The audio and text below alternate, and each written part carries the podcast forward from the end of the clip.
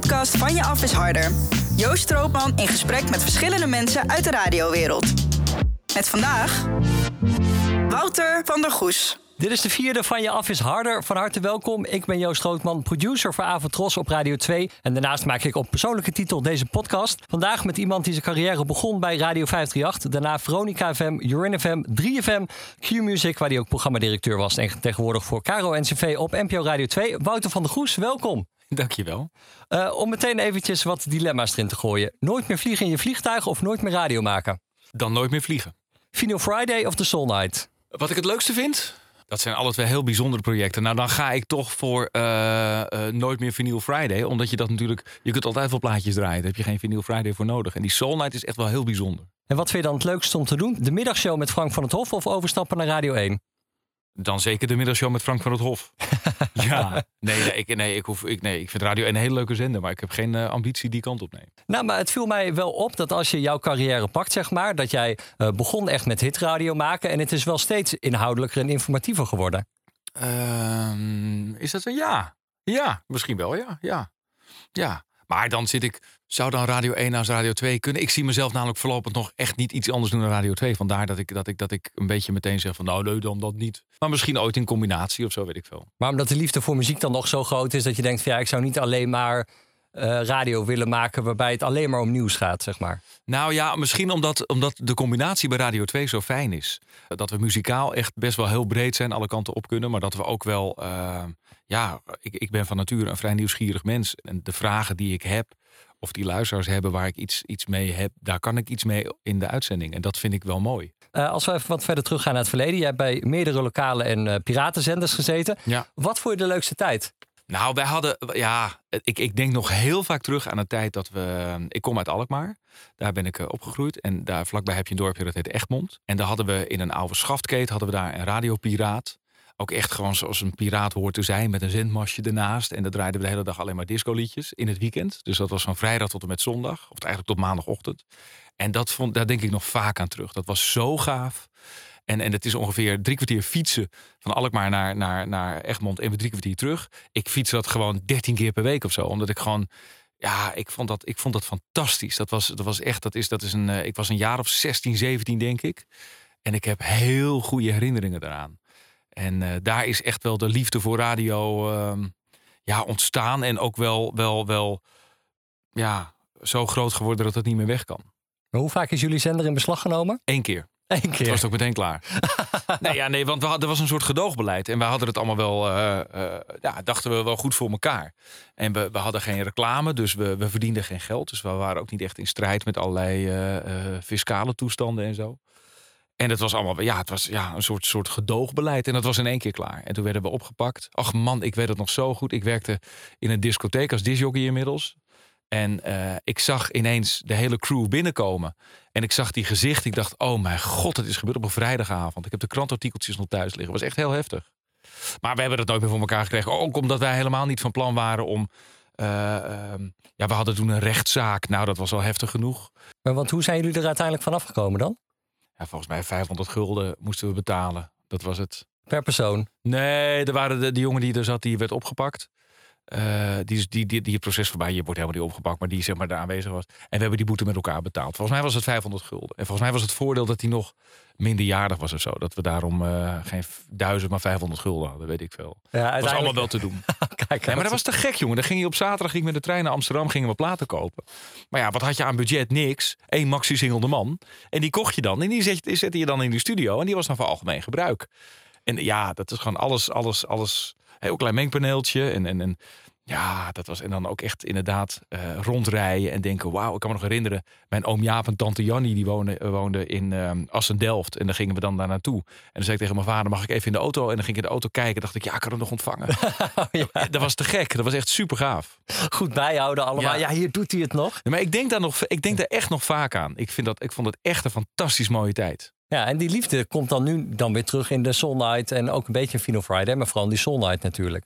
De, qua muziek wel, want ja. dat was echt een, een, een dansstation. Ferry Maat bepaalde zeg maar wat wij draaiden op die uh, Piraat, zo was het zeker. Maar ik had daarnaast ook wel, um, ik hield ook wel heel erg van andere muziek. Dus, dus uh, uh, ik heb altijd wel een soort, um, Ja, een soort. soort eh, ik was wel degene binnen die disco-piraat, zou ik maar zeggen. Waarvan ze af en toe zeiden van hè. Bijvoorbeeld Christopher Cross vond ik fantastisch. dat draaide ik ook. Ja, daar begrepen die gasten natuurlijk helemaal niks van. Dus ik was wel een beetje. eh, Ja, Wout is altijd een beetje van de gekke muziek. Want ik was wel ietsje breder.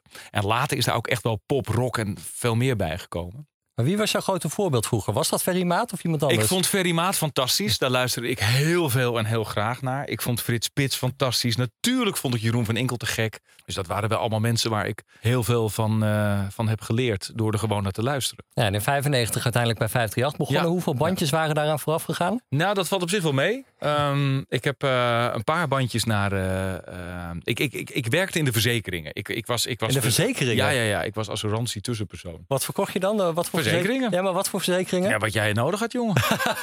maar niet heel gek, want dat komt. m- Mijn, mijn moeder had er als een assurantiekantoor. Dus het was me wel een beetje eh, van huis uit eh, meegegeven. En ik had voor mezelf besloten dat ik toch echt wel van muziek en van radio mijn werk wilde maken. Dus ik had gesolliciteerd bij een platenmaatschappij. Daar kon ik plugger worden. Die baan die had ik in principe al. Eh, en in diezelfde week werd ik ook gebeld door Erik de Zwart. Ja. Eh, want ik had eh, een bandje gestuurd naar Radio 538. En daar had ik niks op gehoord. En toen heb ik eh, eh, een, eh, een, een boek gestuurd. Ehm, eh, en ik heb daar een neporen bij gedaan. met de mededeling: wanneer hoor ik nou eens wat?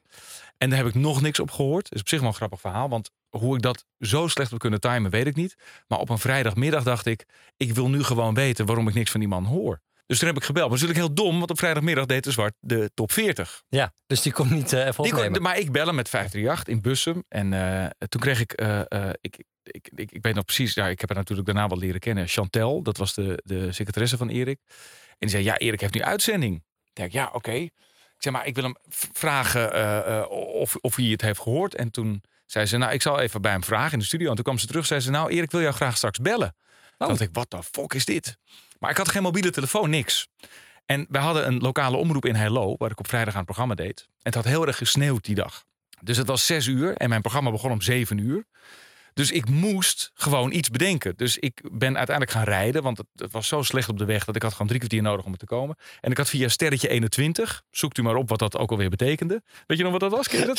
Nee, sterretje, wa- wat was het ook alweer? Sterretje 21, dan kon je je telefoon doorzetten naar een ander toestel. Oh ja. Dus een beetje sterretje 21 en dan het nummer waar je bereikbaar was. Ja. Want ik wist, Erik zou gaan bellen. Dus die moest naar die lokale omroep toe. Nou, dus ik rijden, rijden, rijden. Nou, ik daar uiteindelijk programma doen. Half acht, niks gehoord. Kwart voor acht, niks gehoord. En kwart over acht komt er eh, iemand die daar ook toevallig woont bij die studio. Die komt binnen en die zegt, ja, hey, hoe is het, dit en dat. Ja, een of andere Rick heeft voor je gebeld. ik zeg, wie? Rick? Ja, een of andere gast. Hier heb je zijn nummer. Maar dat bleek Erik. Dus ik heb Erik meteen teruggebeld. En toen zei hij, ja, kun je maandag langskomen. En een week later had ik mijn eerste programma. Zo, dat is wel Ja. snel gegaan uiteindelijk. Mocht ik invallen, ja. Ja, ja, ja dat was fantastisch. Oh man, ik heb er geen, geen oog dicht gedaan toen. Voor je De- eerste de dagen uitzending. daarvoor, ja, dat was zo spannend. Het was zo spannend. Ja. Ja. In de nacht ergens. Nee, op zaterdagochtend tussen 9 en 12. Wauw. Dat was een programma dat heette 538 Classics. Dat werd gepresenteerd door Arlo van Sluis. En die was vrij. En Erik zei, nou, dan kan, je, hey, dan kan jij dat boy doen. dus ik zat daar ineens op zaterdagochtend op de zender. En toen ook op zondag. En toen mocht ik wat invallen. En uiteindelijk kreeg ik daar een programma. Want hoe was die periode bij 538? Ja, ehm, ik, ik vond het een ontzettend leuke periode. Ehm, maar ook een heel spannende periode. Want alles voor mij was nieuw. Eh, de, de andere discjockeys, er zaten daar natuurlijk allemaal mensen waar je naar luisterde. Eh, Michael Pilarczyk, Wessel van Diepen, eh, Erik zelf natuurlijk. Allemaal mensen die, die toch wel, nou ja, waar je, ik wil niet zeggen tegenop keek, maar misschien toch ook stiekem wel. Ehm, en je wilde het graag goed doen. Ja, je, je moest natuurlijk nog heel veel leren. Want ik, ik was, ik was, ik was, ik had heel veel radio gemaakt als, als lokale omroep en piratenradio. Maar, maar ja, het is niet dat je, je moet dan nog heel veel doorkrijgen, zeg maar. En dat heb ik daar allemaal wel geleerd. En Erik was wel een hele eerlijke leermeester. Een harde, maar eerlijke leermeester. Je moet gewoon hard werken. En eh, eh, als je dat deed, nam hij het ook wel voor je op. Maar je moest niet lopen zeuren of zo. Dan ben ik ook niet zo'n zo, zo zeurpiet. Dus ik heb daar echt wel heel veel uren gemaakt en heel veel geleerd in heel korte tijd. Ja, je hebt er onder andere de Dance Top 40 gedaan. Ja, ja. Daar heb ik een eh, fragmentje van. Ja, en als vreselijk. je het hoort, dan weet je zo meteen wel hoe ik eraan gekomen ben. It. de Dance Top 40 zondagavond. Hello. We hebben tussen nu en 9 uur heel veel goede muziek uit diezelfde Dance Top 40. Ook geven we mensen gelegenheid om te laten horen wat ze allemaal met muziek doen. Bijvoorbeeld een mix en ik heb nu iets anders. Ehm, twee vrienden, ze noemen zichzelf Melody en ze maken al een paar jaar goede clubmuziek. Ik kreeg een cd'tje van ze en zometeen ga ik je laten horen wat ze allemaal kunnen. Eerst wil ik je voorstellen aan Melody. Hallo, ik ben Bart Arends. Ik ben sinds 1991 samen met een vriend Tom van der Geer bezig met het maken van dancemuziek onder de naam Melody. Wat betreft de toekomst, het zou heel erg mooi zijn als er een platenmaatschappij met ons in zee wil gaan. Maar we hebben in ieder geval al nu een hele belangrijke stap gezet. We kunnen jong Nederland laten horen wie we zijn en wat voor muziek we maken. Wat grappig. Ja, goed dit, oh, wat hè? goed. Ik wist wel dat Bart natuurlijk daarmee bezig was met dansmuziek. Maar ik heb hem gewoon in mijn uitzending gehad. Je hebt hem gewoon destijds in de Dance Top 40 bij jou Oh, in de uitzending gaaf. gehad. Maar die dance top 40 was ook best wel stiekem best wel heel erg leuk om te doen hoor. Ja, dat kan me voorstellen, ja. Maar wat, oh, dat wist ik helemaal niet. Wat goed. Ja. Maar dat heeft Bart nooit tegen me gezegd. Ja, te gek. Ja, dit is wel echt wat dan weer. Je hoort Bart ook, die echt zo heel anders klinkt dan nu. Ja. Jij, jij ook wel, maar Bart helemaal. Als, als ik niet Ja, wij alle twee. Maar joh, ik ben hier, wat ben ik hier? 2,23 of zoiets. Ja. En eh, jeetje, wat grappig. En nog inderdaad dat radiostummetje van de Hallo eh, Radio 538. ja, want je hoort daar een beetje Erik de Zwart in terug, moet ik zeggen. Op sommige In mij? momenten. Ja, op sommige stukken. En dat hoor ik ook bij dit. Jij bent eh, tegenwoordig voice-over bij NPO 1. Ja. Je bent ook ergens anders voice-over geweest. Ja. Bij Kindernet in de jaren klopt, ja. 90. Dat was mijn allereerste baantje binnen radio televisie. Ja, dat klopt, ja. Ja. Ik heb dat nog nooit teruggehoord. Nee? Nee, ja, althans niet meer sindsdien. Dat is echt, jezus. Nou, heb je dat? Ja, daar heb ik. Komt-ie. Zondag vanaf 10 voor 9 kun je kijken naar The Neverending Story. Avonturen beleven met Bastiaan en Valkor. Daarna Rupert. Spannend. Dan is Dommel aan de beurt. En dat wordt gewoon weer lachen natuurlijk. Rond 10 uur de Smurfen. Wat zullen ze nu weer verzinnen? Om half elf is Tom Sawyer weer terug. Met zijn vriend Huck natuurlijk. Zondag zijn er weer veel nieuwe programma's te zien. Alleen bij Kindernet.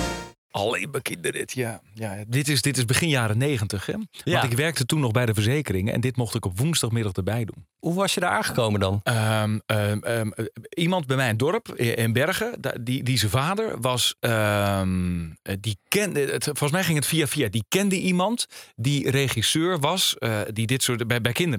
En daar heb ik toen een stemmentest voor gedaan en die zei, nou, we gaan dit wel doen. En als ik dit nu ook hoor, denk ik, oh, wat was dat slecht. maar stiekem heb ik daar ook alweer heel veel geleerd. Want dat was een hele in de Ankerstein in eh, Amsterdam-Zuid, eh, daar zat het. En dit, ja, dit was mijn allereerste baantje als, als, als, als inspreek iets eh voice-over. Ja, ja, ja, dat klopt. En nog ver, ver voor Radio 538 was dit. Ja, dus dat is helemaal... Ja, hoe lang is dat dan geleden? Ruimte? ruimte? Dit is, dit is begin jaren 90 geweest. Ja, Dit is echt eh 293 geweest. Ik denk dat ik, eh, ik heb mijn rijbewijs in 92 gehaald.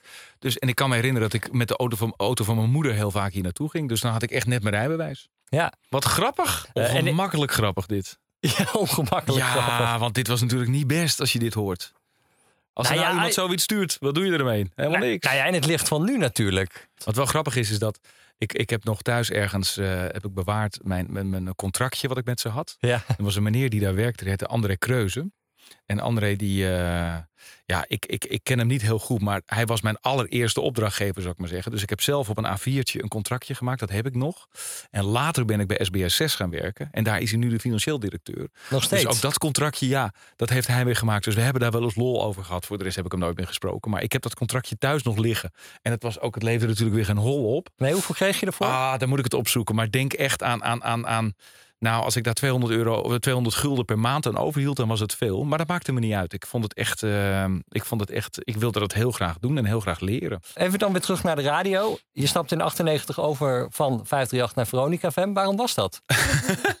Nou ja, dat was eigenlijk omdat ik een beetje, ehm, eh, ja, hoe zeg je dat? Ik vond Veronica wel fantastisch. Ik ben ooit, eh, eh, zeg maar, heel lang geleden bij Club Veronica begonnen. Daar, daar ben ik aangenomen, ook snel weer weggestuurd. Want daar wilden ze mensen opleiden tot eh, journalist. Ja, het was echt een opleidingstraject van Veronica, toch? Begin jaren 90. ja. En daar heb, ik, daar heb ik best wel veel geleerd. Daar heb ik Jeroen Kijkendevecht leren kennen. Wij waren van dezelfde lichting.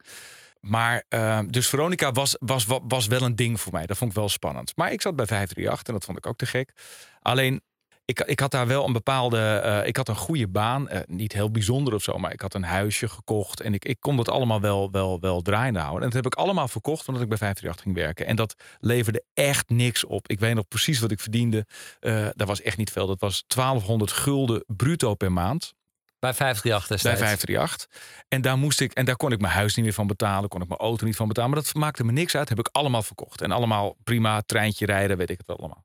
Want ik kon bij de radio werken. Maar daar kwam maar geen verandering in. Dat, dat veranderde maar niet. En er waren wel wat dingen die mij waren beloofd. En daar kreeg ik een beetje een, een, een, een naar gevoel bij dat er niks mee gebeurde. En eh, eh, toen leerde ik op een zeker moment Robert Jensen kennen. En die zei, ik vind jou wel een goede disjockey. En, en, en kom maar lekker bij Veronica. En daar verdien ik ook niet heel veel. Maar dan kon ik in ieder geval wel blijven wonen waar ik woonde. En ik vond Veronica wat te gek. Dus ik kan me nog heel goed herinneren dat ik op een, op een avond... dat ik ook meteen tegen Robert zei, nou dat is goed, doen we. En dat ik ook naar huis reed en dacht van... Oké, dit is spannend, want ik heb volgens mij nu een probleem. Want hoe ga ik dit uitleggen aan de zwart? Dus Ja. toen ben ik naar hem toegegaan en die werd toen heel boos.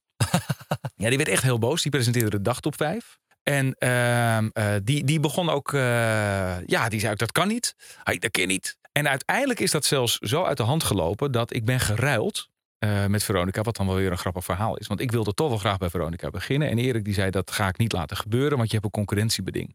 En in hoeverre dat juridisch houdbaar was, dat laten we maar even in het midden. Maar ik wilde natuurlijk helemaal geen ruzie daarmee. Dus toen zei Unico Glory, die toen de baas was van Veronica, van vraag maar aan Erik wat hij dan wil. dus ik Erik bel, ik zei nou, Unico wil weten wat je dan wil. Waarop ik dacht dat Erik zou zeggen, ja, weet ik veel. Maar Erik zei, nou, het Sintkristal. dus ik dacht, het Sintkristal, ja, dat wil ik hebben. Dus ik weer Unico bellen. Ik zei, nou, hij wil het Sintkristal. Godverdomme, zei Unico. Nou, oké, zeg maar dat ik het vanavond kon brengen. En ik dacht, waar gaat dit over? En zo waar, s'avonds uh, om half zes rijdt de Audi A4, ik weet het nog heel goed van Unico Glory, de parkeerplaats bij Concordia op. En de achterklep gaat open. De zwart loopt naar buiten, neemt het centkristal in ontvangst en loopt weer naar binnen en zegt: Kijk, nou kun je gaan. Ik zeg maar, wat is dat dan? Nou, dat bleek het zendkristal te zijn van de oude Radio Veronica.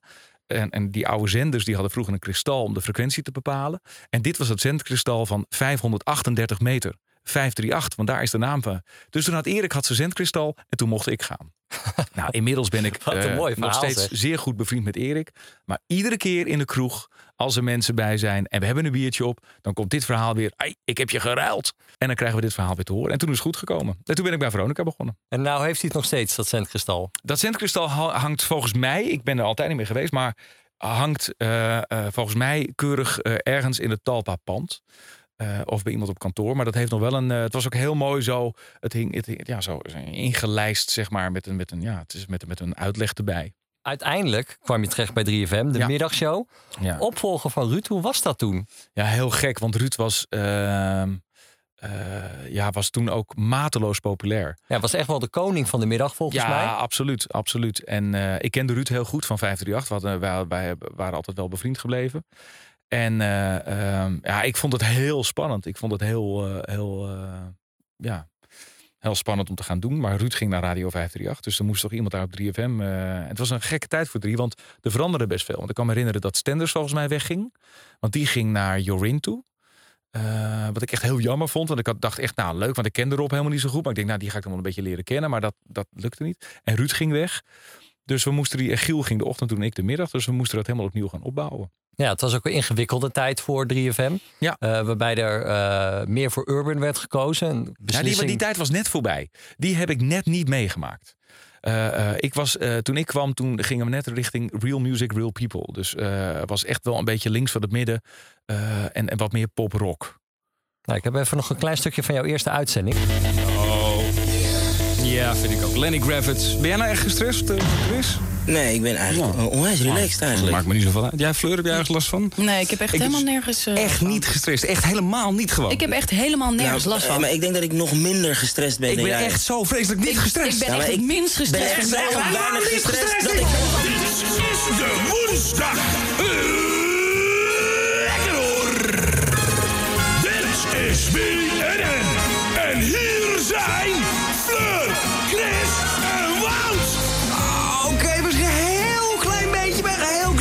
Gestrest. Nou, de gast die dat insprak, die was in ieder geval wel gestrest. welkom, wij schrijven vandaag 9 juli 2004. Dit is 3FM en welkom bij Wout. God, dat ik dit nog uit mijn strot krijg. Ik vind het knap. Hey, leuk. Ik, heb, ik vind eigenlijk ook zoiets van jongens, we gaan gewoon een beetje lol maken. Het is gewoon lachen. Christy is hier, Fleur is hier, ik ben er. En vanaf nu zitten we iedere maandag, dinsdag, woensdag, donderdag en vrijdag op 3FM tussen 4 en 6 uur. Dit is de allereerste inderdaad, ja. Ja. Ja, jezus. Ja, met Chris Silos en Fleur van der Kieft. Ja, grappig. Ja, want die ging ook als reporter het land in. Ja. Maar dat ging niet zo goed op een gegeven moment, toch? Nee, Chris die, eh, die eh, kreeg het heel druk met andere dingen. Zijn rijbewijs halen bijvoorbeeld. Ja, ja, ja dat was, ik weet niet meer precies hoe dat zat. Weet je, ja, volgens mij was er wel iets met, met zijn rijwijs. Ja, ik weet het niet meer precies. Ja, dat weet je wel. Ja, nou ja, dan laten we het zo. nee, ja, god, wat heeft dat voor zin? Ja, nee, nee. Chris was, eh, was, een, was wel een gave gast hoor. Ik heb wel gelachen met die jongen. Potverdomme, die Chris Silos. Wat een, wat een ontzettend leuk mens was dat. Wij rookten alle twee nog als ketters. Dat kun je nu ook niet meer voorstellen. Eh, want volgens mij rookte hij ook niet meer. Ik heb hem altijd niet meer gesproken. Maar ik in ieder geval niet meer. Maar toen wel. En toen bedachten we van alles, man. Dat was te gek. Dat was echt superleuk. We hadden echt een mooie tijd aan. En BNN was toen ook wel...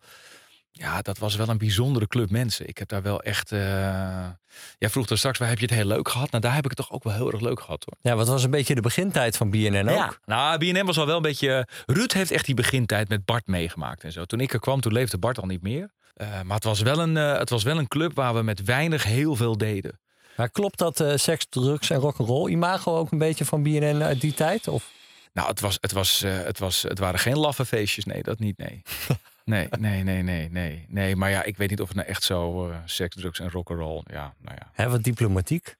Eh, ja, maar dat komt ook omdat ik het idee heb dat het daarna wel heftiger is geworden. Ik heb, ik heb echt wel hele goede, toffe feesten met BNN meegemaakt. Eh, punt. nee, het was, het was een mooie club. Het was een goede club. Heb jij nog wel eens eh, contact met jouw goede vriend vader Abraham? Heb je er ook fragmentjes van? Nee, toch? Nee, daar heb ik geen fragmentje van. Nee, maar nee wel ja, die man heb ik nou weer gesproken. Dat was heel bizar. Ik, weet niet eens, die had een, eh, ik weet wel wat er gebeurde, want daar doe jij natuurlijk op. Ja. We hadden een, hij had een persbericht de deur uitgestuurd dat carnavalsliedjes eigenlijk allemaal slecht waren. En dat eigenlijk alleen zijn eigen muziek, dat dat echte carnavalsmuziek was. Dus we hadden hem in de uitzending. En al na één vraag werd hij zo boos. Om niks. En zei die, weet ik nog, nou, je moet de komende tijd maar een beetje achterom kijken. Ja, en toen dacht ik, wat krijgen we nou? Ben ik nou gewoon een beetje bedreigd door de smurf? Wat eh, maken we hiermee? Ja, toen zijn we naar hem toegegaan, ja. Ja, dat klopt, ja. En dat is uiteindelijk allemaal goed gekomen. En volgens mij eh, weet meneer Kartner daar al lang niks meer van af. En was het hele leuke radio, dus klaar. Ja, die man had even een rotdag. Ja, nee, dat heb je ook wel eens. Het was ergens in het najaar van 2004. Ik weet het echt nog heel goed. Ik zat op de fiets van de middelbare school naar huis. En ik hoorde jou opeens iets vertellen op de radio. Iets over een glazen huis waarin DJ's werden opgesloten. Ik had toen meteen echt wel zoiets van... oh wauw, wat gaat daar gebeuren? Dat, Ja? Nou ja, omdat je wel... Maar dat was meer gewoon echt als radioliefhebber, zeg maar. Als een nerd een beetje. Dat je dan denkt van... oh, maar dan gaan ze drie DJ's opsluiten. En wat gaat er dan gebeuren? Dat leek Ja. me wel heel cool in ieder geval. Ja, ja, ja, ja. Ik had, ik, ja. Hoe was jouw gevoel daar dan bij? Nou, dat is later pas een beetje gevormd. Kijk, het is zo dat wij hadden van Florent Luiks, dat was toen de zendercoördinator, hadden we de opdracht gekregen, Giel en ik, om iets te doen waarbij we zowel de ochtend als de middagshow kunnen combineren. Dat wilde hij heel graag. En ehm, ehm, dus daar hadden we over na. Maar wat het dan moest zijn, wisten we nog niet. En we hadden, en dat, volgens mij was dat nog steeds op woensdag, de vergadering voor de, eh eh, de megahit. En Giel en ik stonden voor die vergadering met z'n tweeën even te overleggen van wat ga jij als megahit voorstellen. En dan, hè, dan zit je een beetje eh, te, te praten. En er was de avond daarvoor was er een ontzettend indrukwekkende documentaire op televisie geweest over Darfur. En daarin werden allerlei afschuwelijke dingen verteld over wat daar in Darfur allemaal was gebeurd. Dus ik zei tegen, voor de, ah, niet eens voor de grap, maar in ieder geval gewoon als in een gesprek met een collega van, heb je dat gezien? En ja, die had hij ook gezien, dus daar raakten we over in gesprek. En toen ontstond het idee van, ja, maar, maar als we dan iets samen, waarom gaan we niet iets goeds doen? Waarom gaan we niet kijken of we. eh, ehm, en eigenlijk is daar ook de zin een druppel op een gloeiende plaat. Want toen was het, ja, maar het is een druppel op een gloeiende plaat. Maar een druppel op een gloeiende plaat, dat kan ook helpen. Ja, dat Dus- was een beetje de slogan van de eerste editie. Dat werd een slogan, maar dat is, dat is dus eigenlijk in die, in die paar minuten dat wij even stonden te kletsen, is dat eigenlijk ontstaan. Nou, daar is toen een denktank op losgelaten. Daar zat Jan-Willem Rookbeen onder andere in. En heel veel andere mensen. En die zijn met deze informatie aan de gang gegaan. En daar is een soort format uitgerold. Een soort serious request. Waarbij eh, Giel toen bedacht. Als wij iets vragen van luisteraars. Dan willen we daar, moeten we daar ook iets voor terug doen. Dus weet je wat, we eten ook niet. Ja. Dus oké, dat en op het moment dat ik dat vertelde, stond het alleen nog maar op papier. Ehm, het enige wat echt vanuit ons hart kwam, was dat we dachten: er gebeuren nare dingen in de wereld en daar willen we wat mee doen. Maar alles eromheen, ja, dat was, dat was op papier en daar waren allemaal mensen heel druk mee. Maar wat dacht jij toen je het voor het eerst hoorde, het definitieve idee? Ja, nog niks van oké, we hebben nu een idee, maar we gaan dit dan maar doen. Maar niet van nou, dit zou wel eens fantastisch kunnen worden of oh, wat een drama. Maar gewoon ehm, toch wel denken bij jezelf van eh, ja, dit voelt wel goed. Want anders waren we er niet aan begonnen, denk ik. Dat weet ik niet meer precies. Wat je ook wel heel snel merkte was dat ehm, er was een compleet nieuwe bezetting bij 3FM. eh, zowel voor als achter de schermen. En die groep heeft elkaar in die periode wel heel snel gevonden. Want we moesten in een paar maanden dit uit de grond stampen. Ehm, en, en, en, en het hele idee van een brievenbus of zo, is, dat was er allemaal nog niet. Dat ontstond allemaal in die eerste week. Wanneer had jij voor het eerst het idee van ja, wauw, er gebeurt hier wel wat? Toen op vrijdagmiddag Freek de Jonge met dekbed stond te veilen op een podium in Utrecht.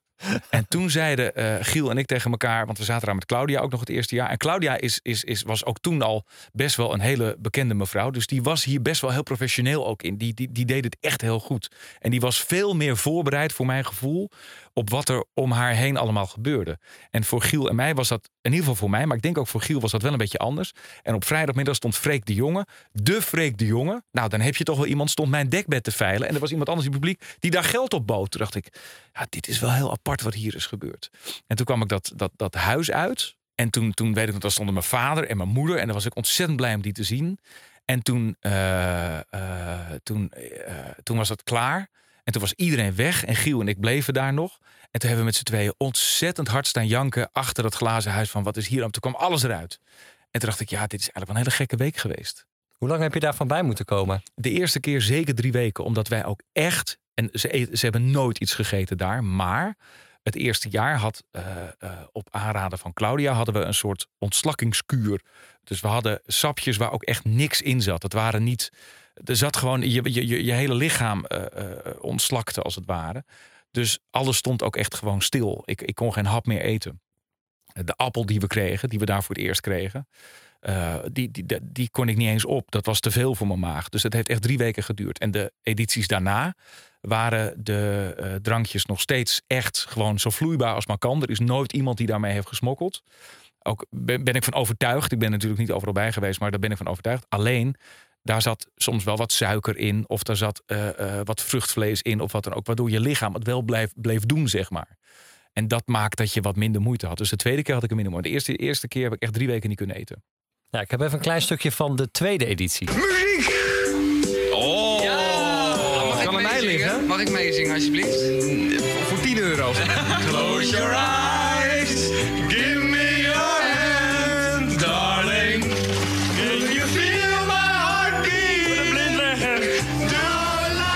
Mensen, dit uur zit er alweer op. Het is even leuk om uit te leggen. Ze raken nu in paniek achter de schermen. Er is net een strooms... Oh, nou even. Mijn aftelklok doet het niet. Ik weet niks. We gaan gewoon door. Nee, Giel, jij gaat zo meteen zenden. Ja. Ik ga even... eh, nou, slapen hebben we niet meer over. Ik ga even liggen. ja. En in de hoop dat ik nou ja, vanzelf mijn ogen dicht doe. Heel veel succes. En eh, vannacht om twee uur dan ben ik er weer. God, wat was dit lekker, zeg. Ja, dat moment, dat, dat weet ik nog, weet Gerard ook nog heel goed en Giel ook. Toen, eh, dat was een beetje halverwege, toen, toen, toen, toen, toen waren we op, toen konden we niet meer. Nee, nee, ja, dat was te gek was dat. Ja. Waarom was Serious Quest zo'n groot succes, denk jij? Ik denk dat het, dat het ehm, verslavende radio is geweest, die door alle mensen die dat hebben gedaan eh, is gemaakt. Ik denk dat het ook allemaal stuk voor stuk hebben alleen maar ontzettend goede radiomakers in dat huis gezeten. Het idee dat je met zoiets leuks iets goeds doet voor iemand anders ook heel goed werkt. En het, het, het- nou ja, als je het dan hebt over verbinden, en dat is zo'n mooi woord, dan is Serious Quest wel misschien de mooiste verbinding geweest voor die tijd ja, die op de radio plaatsvond. Vond je het jammer dat het twee jaar geleden stopte?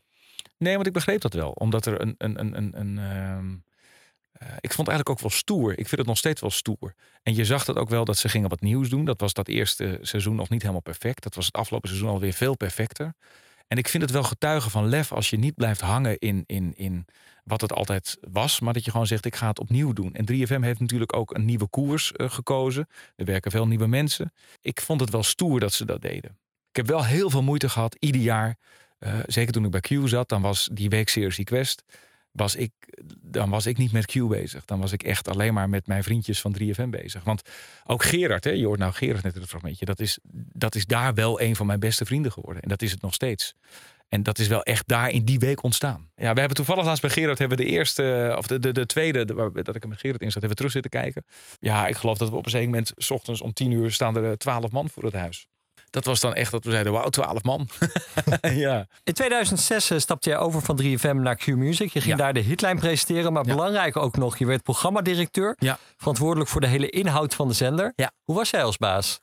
Nou ja, ehm, volgens mij eh, ehm, ben ik nooit echt een enorme baas geweest. En had ik een soort droom. Ik wilde heel erg van eh, Q Music een zender maken die eh, heel echt was, heel dicht bij mensen stond. Die eh, eigenlijk een soort, soort, soort 3FM zou worden, maar dan commercieel. En ik had eh, in België wat mensen leren kennen die daar al Q Music hadden.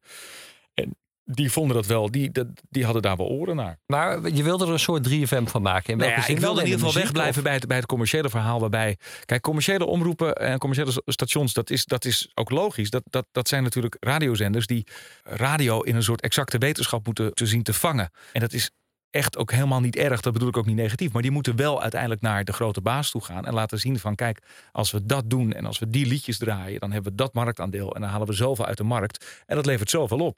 Radio is natuurlijk helemaal geen exacte wetenschap. Radio is namelijk gewoon onderbuikgevoel. Dan maak je de mooiste radio. En mijn droom was eh, om gewoon in dat exacte grafiekje te zeggen: mijn onderbuik en dat van alle mensen die hier radio maken, levert dat marktaandeel op. En uiteindelijk zoveel geld. Maar ik kwam er al heel snel achter dat het zo gewoon niet werkt. Dat dat onderbuikgevoel, dan kijken allemaal mensen je aan van onderbuikgevoel, wat moet jij nou? Dan zeg ik ja, maar we kunnen niet alleen maar de liedjes draaien die we getest hebben. Want soms is het op een ochtend juist heel belangrijk om juist dat ene liedje wat niemand kent te draaien, wat ze dan leren kennen. En ja, dat, dat, dat, dat ging allemaal niet, dat, dat werkte niet, dat kon niet. En wat er bij Q bijvoorbeeld gebeurde, is dat er zo'n strak format kwam dat ik heb op een zeker moment, ik, wilde, ik ben altijd fan geweest van Ruud Wild. Eh, eh, en ik wilde heel graag Ruud bij Q. En dat is uiteindelijk gelukt. Maar vervolgens wilden de mensen bij Q heel graag dat Ruud Q werd. En ik wilde juist dat Q Ruud werd. Snap je Ja, wat ik bedoel? Ja. En dat Ruud gewoon zichzelf kon zijn. Maar als je het eh, Q-music van toen vergelijkt met wat het nu is, wat is dan het grootste verschil voor jou? Nou ja, dat Q-Music natuurlijk toen ik dat deed niet echt een hitradiozender was. Wij waren een vrij brede zender die, en dat uiteindelijk ze wel he- hebben gekozen voor, voor een, een, een- een hitradioformat. En dat doen ze fantastisch goed. Eh, maar, maar in mijn tijd was het geen hitradiozender. Nee, het was echt een, eh, een zender die, die, die veel classics draaide, veel jaren tachtig. Eh, en we, we gingen ook wel goed. We, gingen, we, we hadden het, we hadden het wel lekker voor elkaar. Maar toen is er uiteindelijk in België besloten om daar eh, een, een hitradiozender van te maken. En toen dacht ik, ja, maar wacht even. Huh? Wat doe ik hier dan? Wat, wat, wat, wat, wat gebeurt hier? Nou, je mocht één keer in ieder geval iemand heel erg blij maken. Goed, ik heb hier dus een telefoonnummer. Dit is degene die de goudstaaf gaat krijgen. 25.000 euro, althans de waarde daarvan. En ik ga nu nummer intoetsen.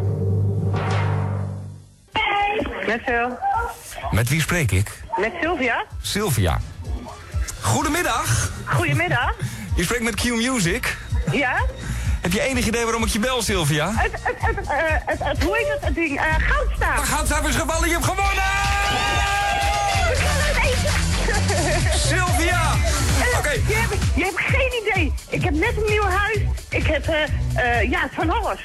Ik vind het helemaal geweldig. Sylvia, dit is wat we doen. De Stichting Nazorg die vangt je nu even op. We gaan even rustig met elkaar praten. Morgenochtend sturen wij een limo jouw kant op. Je wordt opgehaald en je bent van harte welkom hier bij Jeroen van Inkel. Dan krijg je de cheque, dan krijg je de 25.000 euro. We maken wat foto's, we drinken champagne. Het wordt feest, het wordt heerlijk. Gefeliciteerd! Oh, maar ik hou van jullie. Het is wederzijds. Tot morgenochtend. Ja, dit, vond ik, dit vond ik een fantastische tijd. Q-Music was één groot positief blok. Q is good for you natuurlijk. Ja, ja, ja, ja. Dat was echt. eh, dat, dat, klopte echt aan alle kanten. Dat paste helemaal bij, bij, bij, bij hoe ik vond dat het moest zijn. En grote acties ook in die tijd. Ja, maar wel dingen die we allemaal nieuw bedachten. Dus eh, ook soms wel eh handige jat hoor, zeg ik er eerlijk bij. Maar dingen als het geluid, het ijsblok en zo. Dat was gewoon, ja. Wij dachten, en dat was een beetje mijn idee. Je moet gewoon uit die studio. Je moet naar mensen toe. Je moet, je moet dichtbij, letterlijk en figuurlijk komen. Ja, en uiteindelijk stapte je in eh, 2014, eh, ja, kwam je eigenlijk terug bij de publieke omroep. Ja. De middagshow op NPO Radio 2. Ja. Als opvolger van Bert Kranenbarg. Ja. Wel ook nog in een hele andere tijd. Want de zender veranderde toen eigenlijk heel erg. Hè? Ja, ja, ja, ja, dat klopt. Nou, die was, was aan het veranderen. Gijs was hier al naartoe gegaan. Kees Toering was dan de zendermanager. En Jurre Bosman werd de zendermanager. En ehm, ja, ze wilden eigenlijk het, het, het, het, het, brede van Radio 2 houden. Maar daar toch wel eh, wat, wat, wat, wat nieuwe frissigheid in. in, eh, in eh, Kees wilde dat ook hoor.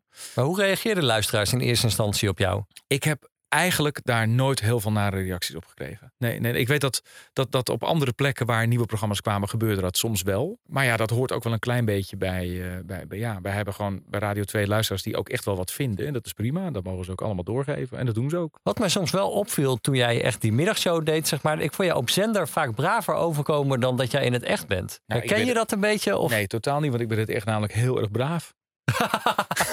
daar geloof ik helemaal niks van van de goed. Nou ja, nee, ja, ja, nee, maar kijk, dat was. was, was eh, ehm, ja, misschien is dat wel zo. Ik, ik, ik, ik, wat dat betreft heb ik ook wel heel veel geleerd de afgelopen jaren bij Radio 2. En denk ik dat er een minder groot verschil is tussen, eh, zeg maar, eh, in de studio en buiten de studio wie ik ben. Eh, maar dat was misschien vroeger wel ietsje groter. Dat had ook te maken met het feit dat Caro NCRV ook aan het veranderen was. Dat was ook een andere club geworden. En die moest ook een beetje wennen aan eh, de nieuwigheid. En ook de zender zelf. En, en ik vond het ook wel moeilijk om te, te, te, te zoeken van... ja, maar wat, wat, wat, wat, wat, wat, wat moet ik hier? Wat is nu mijn rol hier? Wat, wat, wat, het was allemaal zo aan het veranderen. Maar was de overgang voor jou van Q naar Caro en CV ook niet groot? Dat kan me ja, ook die was heel groot. Die was heel groot. Maar ik had het ook nooit zo bedacht. Ik, eh, ik wilde heel graag bij Radio 2 werken. Echt heel graag. Ben er ook altijd heel eerlijk over geweest. En heb ook echt wel. eh, en ik, ik heb zelfs wel eens tegen Daniel Dekker geroepen: van als je ooit stopt, dan bel je me. En, en, en nou ja, Daniel vond het helemaal niet zo'n raar idee. Dus daar had ik echt wel een goed contact mee. Bij Caro CV, daar heb ik dat ook wel geroepen. Ik wilde gewoon heel graag bij deze zender werken. Maar toen kwam 4-6 kwam vrij. En toen dacht ik: oké, nou ja, wil ik dat dan gaan doen? Want daar werd ik dan voor gevraagd van, nou, wil je erover nadenken? En toen dacht ik, ja, oké, dan ga ik dat doen. Maar ik had eigenlijk nog niet echt een idee van hoe dat dan zou moeten. Dat, dat, want ik wist niet precies hoe de zender zou gaan worden en wat de omroep daarvan verwachtte enzovoort. Dus ik vond het heel moeilijk om het draai daar te vinden. Maar was jouw droom eigenlijk om een muziekprogramma te doen op Radio 2? Of? Nee hoor, nee, nee, nee, nee. Maar, maar dat was wel het meest, eh, het, het, het meest makkelijke geweest. Ja. Want dat kon ik, dat, dat weet ik, dat ik dat eh, zonder, eh, toen ik hier kwam werken, kon ik zonder enig probleem, kon ik allemaal platen achter elkaar draaien. Ik vond het wel leuk om ook te leren om goede gesprekken met mensen te voeren. Ja. Dus in dat, dat opzicht vond ik het wel leuk om 64 te gaan doen. Maar ik vond het ook wel, ik vond ook wel, ik vond ook wel heel spannend. Ja. Ja, jij moest eh, uiteindelijk in 2017 werd jij verplaatst van de middag naar de avond, Ja. omdat Ruud kwam. Ja. Vond je dat vervelend toen? Eh, nou, eigenlijk vond ik dat helemaal niet zo vervelend. Dat is natuurlijk niet helemaal waar. Want het was niet mijn eigen keuze om dat te gaan doen. Eh, maar aan de andere kant begreep ik het besluit wel heel erg. Omdat Ruud is namelijk Ruud. En waarom ik Ruud ooit naar Q toe haalde. Namelijk omdat dat een wat rauwer en wat karaktervolle randje aan je programmering geeft, snapte ik ook heel goed dat Ruud, die vrij op de markt was, eh, dat hij eh 4-6 zou gaan doen. En ik heb voor mezelf de afweging gemaakt. Stel je voor dat ik in 2014 was gevraagd of ik 6-8 wilde doen op radio. Wat had ik dan gedaan? Volmondig had ik ja gezegd en was ik met gierende banden hier naartoe gereden. Ik had geen ander besluit genomen dan dat. Dus ik, ik vond het ook wel heel leuk dat Ruud naar ons toe kwam. Dus ik heb die knop heel snel kunnen omzetten. Echt heel snel. Dat is in een ochtend is dat gebeurd. Ja, maar het was wel eventjes lastig dan. Eh, ja, wat ik er lastig aan vond was dat iedereen daar wat van vond ook. Terwijl ik echt, en dat, dat, dat, dat ik weet nog echt, ik, ik kwam terug van vakantie. Het was een maandagochtend en mijn allereerste gesprek was dit gesprek. En diezelfde ochtend heb ik gedacht, oké, we gaan dit doen. Jij valt veel programma's in op eh, Radio 2. En eh, ja, de naam viel in het begin al eventjes. O- Ook vaak samen met eh, Frank van het Hof. Ja. Jullie hebben wel echt een bijzondere chemie samen met elkaar. Ja. Ehm, ik heb een fragmentje waar ik zelf bij was vorig jaar op Concertatie. Daar was een reuzenrad. Jij ging, ging erin zitten met eh, iemand die dat eh, beheert. En daar gebeurde dit. Nee, maar we gaan zo meteen gaan we, gaan we trucjes doen hier, hè? Wouter, weet je wat ik zo mooi vind aan jou? Nou, Je moet eens weten wat er in zo'n rad gebeurt. En echt waar? Wat, nee, wacht even, Frank, dit wordt leuk. Wat gebeurt hier dan? Ja, als je, we zijn zeg maar ook wel op groot... Echt, nee, dit is ook een groot event. Maar ook op dancefeesten en zo. Zoals een milkshake of zo. En, eh, of Crazyland. Ja, er gebeurt echt een hoop funzige dingen in een reuzenrad. Waar moet ik aan denken dan, Else Mieke? Wat ik mag noemen op de radio. Je mag alles noemen, Else Kwart voor negen. Nou ja, weet ik veel. Van eh, een beetje vingeren tot een beetje godverdomme, we staan stil. En we staan nu op het hoogste punt stil. En het is, ze was net een verhaal aan het vertellen. Lieverd, ga door. Je was bij vingeren. Ja, nou ja, een beetje allemaal dat soort dingen. En mijn moeder luistert dit ook, hè. Mijn oma en mijn vader. Dus Nee, ja, maar jij doet het toch niet zelf? nee, maar toch. Maar toch wel. Nou goed. Frank, ik krijg door van de regie dat we moeten afronden. Je Het niet wel meest platte fragment wat je hebt kunnen vinden. Maar Ja, maar dat is toch ook leuk om even te laten horen. Ja, Ja, ja, ja, ja, dat was leuk. Ja. ja, ik heb met Frank heb ik het heel erg leuk. We hebben het heel erg gezellig. En wij ontdekken ook wel dat we elkaar inspireren om. eh, ik heb echt wel nieuwe dingen ontdekt van mezelf. Maar en Frank ook van zichzelf. Dat we met z'n tweeën dat echt wel. eh, we vinden het superleuk om bijvoorbeeld ook eh, de, op de show van die jongens te passen. als ze 's ochtends op vakantie zijn, de ochtendshow.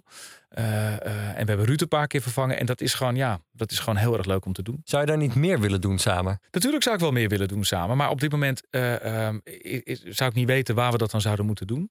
in de programmering van Radio 2. En met wat we daarnaast zelf doen, hebben we ook wel heel veel plezier. Dus, dus er is niet echt een. Nou ja, ja nee, ik, ik vind alle momenten om met Frank radio te maken leuk. Maar het is niet zo dat er een soort plan is van we moeten dan dat daar en daar gaan doen of zo. Maar twee jaar geleden bijvoorbeeld, toen Gerrit Ekdom naar Radio 10 toe ging. Had je dat toen met de ochtend zoiets van, nou dat zou ik wel willen doen? Nee, nee, nee, nee. En toen had ik nog nooit met, met Frank radio gemaakt. Toen wilde ik ook echt niet die ochtend doen. Nee, nee, nee. nee Waarom dan niet? Omdat ik. ehm, ja, waarom niet?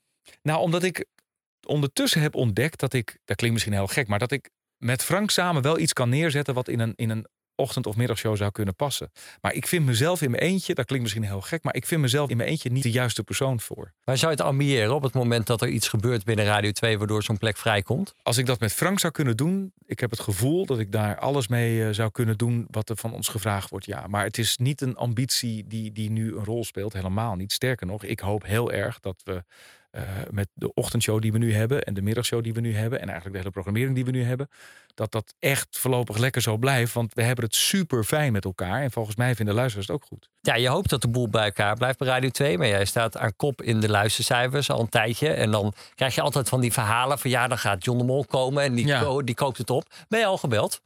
Eh, wa- gaat die Radio 2 opkopen? Of voor jou om, eh, om naar Radio 10 of naar eh 538 of wat dan ook te komen? Eh, nee, ik, ik, heb, ik heb een keer een gesprek gehad, ja, al een- vrij lang geleden. En ik heb besloten dat niet te gaan doen. Dus ja, dat is dan ook vrij snel klaar. Dan komen er niet heel veel andere gesprekken bij. En waar was dat dan voor? Om- Ja, hé, hey, wat denk je zelf, Piet? Doei! nee, nee, nee, nee, nee, nee, nee, nee, nee. Dat, ik heb ook helemaal niet die, die, die... Ik wil dat ook helemaal niet. Dus eh, nee, ik was daar eh, zeer onzakelijk, maar wel heel duidelijk in. En dat jij dus- zou zeker niet weggaan, hoor ik hierin. Nee, nee, nee, nee, nee, nee. Nee, nee. Ja. Ook niet voor heel veel geld. Nee, nee, want ik heb, ik heb het heel goed. Ik, ik heb echt, nee, geld, dat, dat klinkt ook weer zo saai, maar ik- echt, echt, nee, ik, heb, ik hoef niet meer geld. Ik hoef niet, het hoeft voor mij gewoon niet. Ik, heb, ik ben toen ik van Q naar, naar de NPO ging, ben ik alleen maar minder geld gaan verdienen. En ik heb het prima. Ik heb het echt goed. En ik heb het meer, eh, eh, meer dan goed zelfs. Dus, dus, dus. Je weet dat deze uitspraak je zoals eh, Jack Spijkerman gewoon kan achtervolgen, hè? Ja, nou ja, dan, dan, dan, dan, dan is dat maar zo. Maar eh, ja, nee, ja, nee ik, ik, ik, eh, ik, ik heb totaal geen behoefte om, om ergens anders te werken. Nee. Nou, Patrick Kikker die riep over jou. Hij vertegenwoordigt de huidige groep van radio-dj's met alle winden meewaaien en op die manier hopen tot ver in de 60 een baantje bij de radio te houden. Ja. Kun je daar een beetje in vinden? Nee. Nee, en Patrick Kikker zelf ook niet. Want die heeft mij een hele mail gestuurd dat hij het allemaal anders had geschreven. En joh, Patrick Kikker is, een, is echt... nou, ik ken hem best wel heel goed. Ik vind het een ontzettend lieve jongen. Met, met een heel groot radiohart. En hij heeft een heel verhaal gestuurd. En ik vind het ook allemaal prima. eh, eh, waarin hij aangaf dat hij dat nooit zo had gezegd. En, en eh, eh, dat het allemaal uit zijn verband was gerukt. Kijk, hij weet heel goed hoe het werkt. Dus ergens eh, ja, zal hij dat dan toch zo hebben bedoeld of zo. Ik weet het niet. Maar ik herken me er niet in. En, en ik vind ook dat, ja... Je snapt ook niet wat hij ermee zou kunnen bedoelen. Nee, ja, maar ik, ik, ik, ik, ik, ik heb sowieso dat ik denk, Pet, kom op man. Eh, weet je, Patrick Kikker, toen in de tijd dat ik bij 538 zat, zat Patrick bij de Tros. En eh, als ik dan klaar was met mijn programma om één uur s'nachts, dan zat hij nog te monteren eh, bij eh, het oude gebouw van de Tros. En dan ging ik bij hem koffie drinken. En Patrick was zo daarmee bezig met zijn vak. En ik ook. En wij hadden zo, wij hebben, volgens mij hebben we het over nooit iets anders gehad dan over radio in die tijd. Hij had het zo naar zijn zin. Maar ergens is bij Patrick is er, is er daar bij Veronica wat gebeurd of zo, waardoor hij, en dat, dat geeft hij ook wel aan, waardoor hij gewoon, hij is zijn vertrouwen kwijtgeraakt. Hij, voelt, hij, hij, hij- hij- ja, hij, hij voelt zich niet meer goed of zo. Dus, dus ik hoop heel erg dat hij dat weer vindt. En ik heb ook tegen hem gezegd, man, ga dan, na, toen we contact hadden na, na dat interview, van ga, ga- ga, laat alsjeblieft horen hoe het dan wel moet. Want je bent gewoon heel goed en je bent heel tof. En ik wil je zo graag weer enthousiast zien en, en, en, en, en weer zien, zien, zien stralen in een studio en plaatjes aankondigen. En, en, dus ik hoop heel erg dat hij dat voor elkaar gaat krijgen. Als je één van jouw oude radioprogramma's nog één aflevering zou mogen maken, welke zou dat dan zijn? Och jongen. Ehm, jeetje. Oh, dat zou ik echt niet weten. Nee, ik vond het allemaal leuk. Maar ik ben niet zo van het... Van het eh, ik hoorde, ik, wat jij nu allemaal laat horen vind ik superleuk. Maar ik luister daar zelf nooit meer naar. Ik wil vooruit, weet je wel. Dat, eh, Nee, luister helemaal niks van jezelf terug, echt van jaren geleden. Nee, wel van nu. Dat doe ik nog steeds wel. Blijf, vind ik nog steeds ongemakkelijk.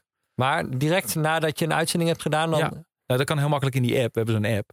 En dan rijd ik naar huis en dan luister ik eh, de spreeks terug. denk ik, nou, dat was wel goed, dat was niet goed. Moet je ook blijven doen, vind ik. Maar dat vind ik soms wel heel ongemakkelijk. Want als ik dan iets hoor wat niet goed is. Ik heb wel eens dat ik, dat ik wegga, dat ik denk, nou, was best een goed programma. Heb ik teruggeluisterd, denk ik, nou, was helemaal een goed programma. Hoe vaak doe je dat dan? Eh, nou, in ja, ik zit nu te denken toevallig gisteravond niet. Maar ik denk in principe, als er niks geks gebeurt, eigenlijk wel iedere avond. Misschien niet het hele programma, maar wel even een paar dingetjes terugluisteren. Ja. Soms ook wel gewoon tijdens het programma. Als je twijfelt of iets goed verstaanbaar was, of dat, dat je denkt, heb ik dat nou goed uitgelegd? Dan kun je in die app meteen terugluisteren. Dus dat doe ik eigenlijk. eh, ik denk dat ik eigenlijk iedere dag wel iets terugluister. Maar is dat onzekerheid of is dat gewoon eh, dat je beter wil worden? Nee, ik weet wel dat. eh, nee, het is geen onzekerheid. Maar al al ben ik overigens soms ook onzeker hoor. Maar dit is geen onzekerheid. Ehm, het, het is vooral dat je soms iets doet, maar dat je. ehm, ehm, dat je het idee hebt dat je het op een bepaalde manier doet. En als je terug hoort, blijkt je het toch anders te hebben gedaan. Maar wat zou je dan nog beter willen kunnen? Eh, nou, het is nooit goed genoeg natuurlijk. Het is nooit zo dat je denkt, dit programma is zo goed, beter wordt het niet. In de luchtvaart zeggen ze, iedere vlieger die zichzelf heel goed vindt, is de meest gevaarlijke. En dat geldt voor de radio ook een beetje, dus geen gevaar. Maar iedere disjockey die zichzelf heel erg goed vindt, of iedere radiopresentator of televisiepresentator die zichzelf fantastisch vindt, die is eigenlijk wel een beetje klaar, denk ik dan. Maar wat is het hoogste cijfer dat je jezelf ooit gegeven hebt? Nou, ik denk niet zo in cijfers, maar er zijn echt wel dingen heel goed gegaan. Maar er zijn ook heel veel dingen echt niet goed gegaan. ja, nee, ja, dat, dat, en dat, vind ik, dat vind ik wel moeilijk hoor. Ik, vind dat, ik ben niet iemand die. eh, dingen die goed gaan, denk je prima. Dingen die slecht gaan, daar kan ik echt wel mee zitten, ja. Ja. Ja. Ben ik wel de laatste jaren iets beter in geworden, iets meer in gaan relativeren. Omdat je soms voor je gevoel denkt, wat was dit afschuwelijk? En dan hoor je terug, denk je, nou, valt eigenlijk wel mee. Je hebt tegenwoordig ook je eigen podcast over de politiek. Ja. De Derde Kamer. En hallo, wat tof dat je weer luistert en dat je de moeite hebt genomen om deze podcast te downloaden. Welkom bij de Derde Kamer. Ik ben Wouter van der Goes. Ik zit in Hilversum en ik heb zometeen contact met Lars Geerts. Lars is NOS politiek verslaggever. En hij zit in Den Haag. En we praten zo meteen over wat er allemaal afgelopen week gebeurde. Daar in dat politieke middelpunt van Nederland. Maar daarnaast ga ik ook zoals alle Kamerleden, ook in de echte Kamer, ga ik iedere week op, eh, op werkbezoek. En deze week ben ik afgereisd naar het mooie Friesland. Ik ben op bezoek geweest bij een politieke legende. Bij Hans Wiegel, bij hem thuis. We hebben een ontzettend leuk gesprek gehad waarbij hij vertelde dat hij echt nog wel, nou ja, laten we zeggen, heel dicht op het vuur zit. En af en toe komt er een minister langs en dan drinken we een Berenburg of een kop koffie. En dan eh, komt er uiteindelijk de vraag natuurlijk uit de hoed. Nou, dan geef ik daar eh, antwoord op waarvan die, de betrokkenen misschien niet altijd gelukkig is. Maar eh, ja, mooie praatjes houden, dat kan iedereen. Dat kan iedereen, ja, Hans Wiegel. Waarom ben je begonnen, die podcast? Omdat ik politiek heel leuk vind. Ik vind politiek fantastisch. Ik, maar ik- zou je ook politicus willen worden? Nou, dat lijkt me geen goed idee. Want? Nou, Omdat ik namelijk radio maken veel leuker vind. En omdat ik niet weet, ik heb er nooit, ik, maar, omdat ik niet weet of ik echt de skills heb om een goed politicus te zijn. Ja, ja, ik kan Rick wel van goed Veldhuis heeft het ook gedaan natuurlijk. Ja, en is hij daar heel succesvol in geworden? Dat weet ik niet. Nee, ja, nee, dat klopt. Nou ja, nee, ik, ik, ik, ik kan wel heel goed verbinden. Dat vind ik ook leuk om te doen. Dus ergens, eh, maar ik heb, ja, je, je kan maar een paar dingen in je leven doen. En ik, heb, ik werk bij de radio en, en ik maak, eh, eh, ik spreek mooie dingen in voor televisie. Dus nee, die ambitie heb ik niet. Maar ik vind politiek wel heel leuk. Ik kan een hele avond kijken naar een, een ontzettend leuk debat of zo. En ik ga ook wel eens gewoon naar de kamer toe. En dan ga ik in de, op de tribune van de plenaire zaal. Kan ik zomaar twee, drie uur met een kop koffie zitten. Wat officieel overigens niet mag. En dan kijken naar een debat. Ja, dat vind ik heel leuk. Wat wil je nog bereiken op de radio? Nou, ik zou, nog, ehm, ik zou het heel mooi vinden om de komende jaren radio te kunnen blijven maken. Want ik vind het nog steeds het allerleukste wat er is.